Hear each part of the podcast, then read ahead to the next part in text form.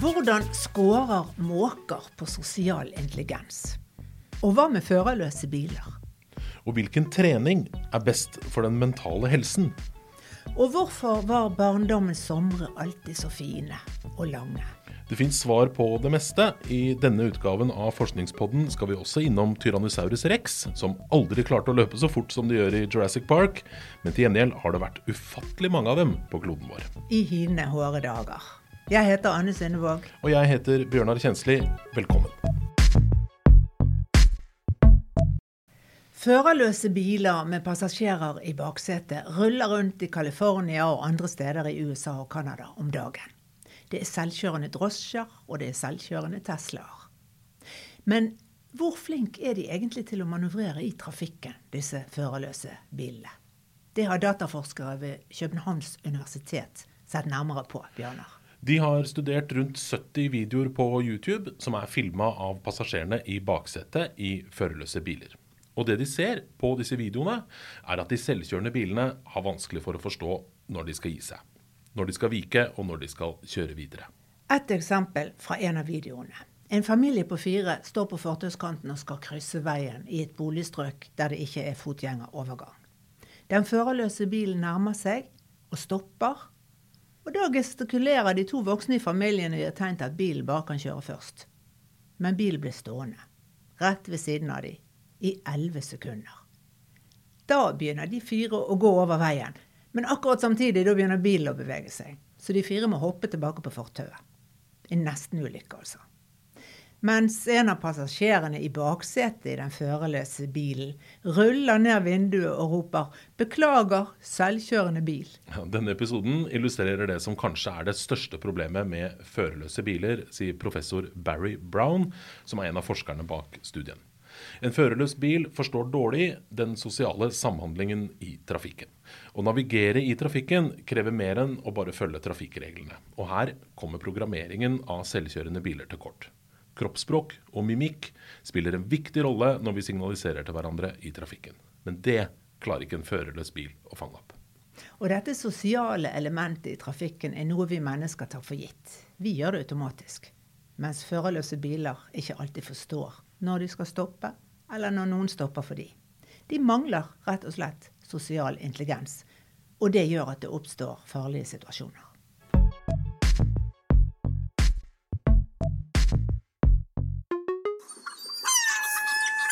Det er høysesong for måkene om dagen. De har klekka ungene sine rundt om i byen og på byens tak. Det går ikke stille for seg når de skal passe på ungene sine. Men apropos sosial intelligens, som altså førerløse biler mangler. Måkene de har sosial intelligens. De kan mer enn å skrike. De er lærnemme, og de er utrolig tilpasningsdyktige. Det kan forskere ved University of Sussex i Brighton skrive under på, for de har gjort et fiffig eksperiment. De la to poser med potetgull på bakken, noen få meter unna noen hekkende gråmåker. Den ene posen var grønn, den andre var blå. Samtidig så satt en av forskerne like ved med en tredje potetgullpose i hånda, som var identisk med en av dem de hadde lagt på bakken. Og hvilken av de to potetgullposene på bakken er det måkene da foretrekker? Måkene går for samme potetgullpose som forskeren. Når forskeren har en blå pose i hånden, går nesten alle måkene for den blå posen på bakken. Og omvendt, når forskeren har en grønn pose i hånden, da velger måsene den grønne. Altså, måsene foretrekker den samme maten som de ser menneskene spiser. Ja, måkene de velger hva de skal spise ved å observere oss mennesker, sier en av forskerne ved Sussex-universitetet. De spiser svært gjerne menneskemat, og aller helst den som vi har tatt på. Og hvorfor gjør de egentlig det? Fordi måsene er sosialt intelligente. De lærer av andre, enten det er av andre måser eller av mennesker. De følger nøye med og gjør det samme som oss og ser hva andre velger å spise, og så bruker de den informasjonen til å bestemme hva de selv skal spise. Og Dette er interessant, for en måke den kan bli opptil 30 år gammel. Så evolusjon kan ikke forklare dette her. For måkene de har ikke utvikla seg sammen med oss mennesker. Det er bare 80 år siden måkene ble urbane, da de inntok byene på 1950-tallet. Det var først da de tilpassa seg menneskemat. Så fra å leve et liv på sjøen med småfisk og krabber og snegler på menyen, så spiser de nå gjerne potetgull, brød eller rester av Big Mac-en din, som de måtte finne ved en overfylt søppelkasse eller ved en uteservering. Ja, og Denne atferden kan altså ikke forklares med evolusjon. Det må forklares med at måker er intelligente dyr som er gode til å observere og tilpasse seg og lære av andre. Det kan godt være at måkefuglene er like smarte som kråkefuglene, som går for å være de glupeste fuglene vi har. I en amerikansk studie fra i fjor så scora nemlig måka like bra som ravnen i en intelligenstest som gikk ut på at forskerne festa en matbit i enden av en snor som fuglen kunne se, men ikke få tak i, hvis den ikke skjønte at den måtte dra i snora. Men disse intelligente måsene kan bli veldig plagsomme. Jeg opplevde at en måke stupte og grabbet en hel rekebagett ut av hånden på meg. Det var ikke gøy. Og de skriker, og de bråker. Men grunnen til at de har flyttet til byene, er at det er for lite mat på havet. Dessuten så forstyrrer folk og båtliv reirplassene, så det kan være tryggere å bygge reir på et hustak i byen. Der er det jo heller ikke mink og lite katter. Likevel, sjøfuglbestandene har stupt de siste tiåra, og i dag så står fem av sju måkearter på rødlista. Mest kritisk er det for hekkemåka og krykkja. Og det faktum at mange av dem trekker til byene, det hjelper litt på bestanden, men det veier ikke opp for nedgangen langs kysten, mener norske forskere. Noen måser kan holde til i byene selv om vinteren, særlig i Bergen og Stavanger, og i Trondheim, der mange mater måsene. Men de aller fleste måser er bare sommergjester. De kommer i april for å legge egg og ruge en måneds tid. Det er en rolig periode. Og så kommer ungene, og da begynner foreldrebråket når noen kommer for ned ungene. Men fra midten av juli, når måsungene har lært å fly, da forsvinner de fleste ut av byene til kysten eller ut på havet, eller til og med sørover til varmere land. Ja, og Hvis politikerne vil ha færre måker på besøk i byene, så hjelper det ikke å fjerne reir fra takene, som en Tromsø-politiker foreslo nylig. For både reir og egg er freda. Da får de heller innføre forbud mot å mate måkene, for det er det mange som gjør og øke renholdet da, i byene og tømme søppeldunkene oftere. Det sier seniorrådgiver i Miljødirektoratet Jo Anders Auran til forskning.no.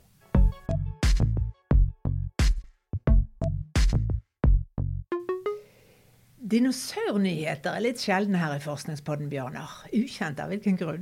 Ja, men i dag så har vi en. For det er ikke måte på hvor mange Tyrannosaurus rexer som har vandra rundt i Nord-Amerika gjennom åra. I fjor lagde forskere i California en modell som konkluderer med at det kan ha levd til sammen 2,5 milliard tyrannosauruser.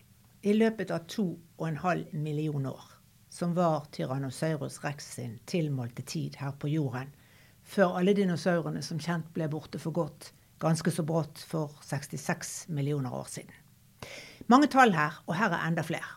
Denne kongen av dinosaurene kunne bli 13 meter lang og 6 meter høy i oppreist stilling. Og det største fossilet som er funnet, må ha veid 8000 kilo. Det blir som en liten gravemaskin. Men Tyrannosaurus rex løp ikke veldig fort, sånn som han gjør i Jurassic Park. Sannheten er heller at han luntet av gårde i en fart på 5-6 km i timen. Omtrent, eller litt raskere da, enn det vi mennesker går. Ja, Det er fort nok det for et sånt fryktinngytende uhyre, syns jeg. Og tallet 2,5 milliard individer til sammen kom de amerikanske forskerne fram til ved å beregne at det må ha levd rundt 20 000 tyrannosaurer samtidig i Nord-Amerika gjennom 125 000 generasjoner. Altså på gange 20 000 med 125 000. Men en tysk evolusjonsforsker, Eva Gribler, mener det regnestykket er for enkelt. Hun har sett nærmere på hvordan moderne fugler og reptiler formerer seg. Og med det som utgangspunkt så mener hun at de amerikanske forskerne har overestimert hvor god Tyrannosaurus rex var til å legge egg, og hvor mange av ungene som overlevde etter klekking.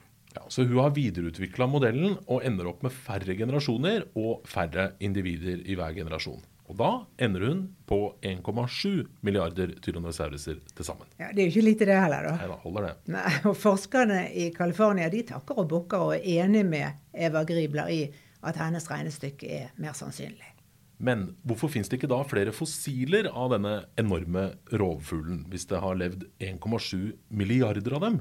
Det lurer både forskerne i California og Tyskland på. For det betyr at sjansen for å finne et fossil av denne kongen av dinosaurene er ett fossil per 80 millioner individer, ifølge regnestykket til Eva Gribler. Eller sagt på en annen måte Paleontologene har bare funnet 0,0000002% av disse enorme skjelettene. Og dette er mat for videre forskning, mener Eva Gribler. Ja, I hvert fall for forskere som er veldig glad i tall.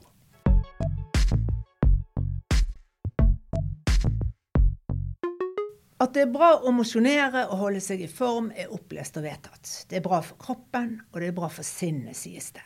Men hva betyr egentlig fysisk trening for psyken? Og er noen treningsformer bedre enn andre for å styrke den mentale helsen? Dette har idrettspsykologene en mening om. Forskningen viser at regelmessig trening kan forebygge både angst og depresjon. Men den psykologiske effekten er ulik avhengig av hva slags trening du driver med, sier mentaltrener og idrettspsykolog Stefano de Dominicis, som arbeider ved Universitetet i København. Den ene typen trening er der du beveger deg fra A til B, enten du går, jogger, sykler eller går på ski. Mens den andre typen er trening der teknikk og motorikk er viktig, sånn som fotball, tennis, aerobic eller styrketrening. Og for å ta distansetreningen først. Treningsformer som løping og sykling motvirker stress og styrker ditt mentale nærvær. Og det har en meditativ effekt, sier den danske psykologen. Aller best er det å trene utendørs, og da spesielt i grønne omgivelser. Det minsker stresset, og du blir mer fokusert. For når du beveger deg ute, så blir det visuelle fokuset skjerpet. Og det er en av grunnene til at erfarne løpere snakker om 'runners high', Hjernen blir stimulert, og du blir mer kreativ. Så hvis du lurer på hvordan du skal løse et problem, så kan det være lurt å ta seg en joggetur. Da er det lettere å komme opp med gode ideer enn om du sitter pal igjen på kontoret. Ja, så ut ifra et mentalt perspektiv så er det klart bedre å jogge en tur i skogen enn å løpe på tredemølle. Ja. Mens det å drive med ballidrett, aerobic eller judo f.eks., altså idretter som krever mer teknikk og ferdigheter, det styrker hjernen. Når du lærer deg en ny fysisk ferdighet, f.eks. i tennis, så utfordrer du hjernen og holder deg ung, sier idrettspsykologen. Men hva er så best for vår mentale helse? En sykkeltur eller en fotballtrening? Ja, begge er like bra, og vitenskapen kan ikke peke på en treningsform som nødvendigvis er bedre enn en annen. Men det kommer litt an på hva du er ute etter. Hvis du vil stresse ned etter en hektisk dag på jobben, da kan en joggetur i skogen være bedre enn crossfit på treningssenteret. Men hvis problemet ditt er ensomhet, da er det nok omvendt. Og det optimale er å kombinere de to, sier Dominicis. Og selv om all bevegelse er bedre enn ingen bevegelse, så bør du trene regelmessig hvis du vil styrke ikke bare den fysiske, men også den mentale helsen. Regelmessig trening har samme antidepressive effekt som antidepressive medisiner, sier psykologen. Som anbefaler oss å trene tre til fire ganger i uken. Ja, og det må ikke være veldig intensivt. Det viktigste er at du utfordrer deg selv. Ikke for hardt, men heller ikke for enkelt. For når du utfordrer deg selv sånn passe, så beveger du deg inn i en sweet spot, som idrettsfolket kaller det. Du blir lettere oppslukt av det du gjør, og glemmer alt annet. Og da er sjansen større for at du fortsetter å trene.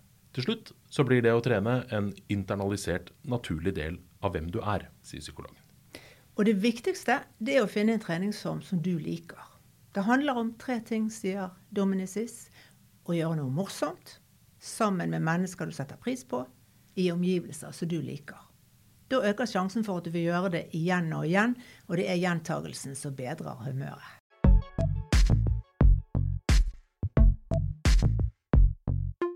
Det er sol, og det er sommer utafor forskning.no-studioet vårt her i Oslo.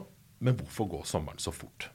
Og hvorfor er det sånn at vi husker barndommens somre aller best? Og de somrene varte lenge. Og det var nesten alltid godt vær. Regnværsdagen og myggstikkene de husker vi ikke like godt. Nei, Psykologiprofessor Per Einar Binder ved Universitetet i Bergen veit svaret. Tidsopplevelsen den er langsommere når vi opplever noe for første gang, sier han. Og som barn er vi i en slags læreprosess hvor vi blir kjent med verden og finner ut noe nytt hele tiden. Men så vokser vi til, og minnebanken fylles opp av erfaringer og opplevelser som ligner på hverandre, så vi sparer på kapasiteten i hjernen og legger minner som ligner på hverandre. Av typen en varm sommerdag, en kald vinterdag eller en båttur i skjærgården, i samme mappe. Og denne banken har vi med oss når vi opplever en ny dag. Og hvis det ikke skjer noe helt spesielt den dagen, da havner den i samme mappe som de andre dagene som ligner. Og vi legger ikke lenger så godt merke til hva vi ser og sanser. Vi opererer mer på autopilot. Ja, Men hvorfor er det solskinnsdagene fra barndommen som vi husker best? Fordi vi gjerne glemmer det som er kjedelig og nøytralt. Derfor stikker solskinnsdagene seg ut. Så hvordan kan vi da gjøre sommeren mer minneverdig, sånn at vi greier å skille denne sommeren fra andre somre som vi har lagt bak oss? Det gjelder å se verden med barnets blikk. Og skru ned tempo og ta inn det som er rundt oss med alle sansene, sier psykologen. Da kan du la deg fascinere av ting du ellers knapt ville lagt merke til. I mellomtiden så er vi tilbake med en ny forskningspod før sommeren er over, i juli. Og Forskningspodden den er laget for forskning.no. Jeg heter Anne Sønnevåg. Og jeg heter Bjørnar Kjensli, og takk for at du hører på.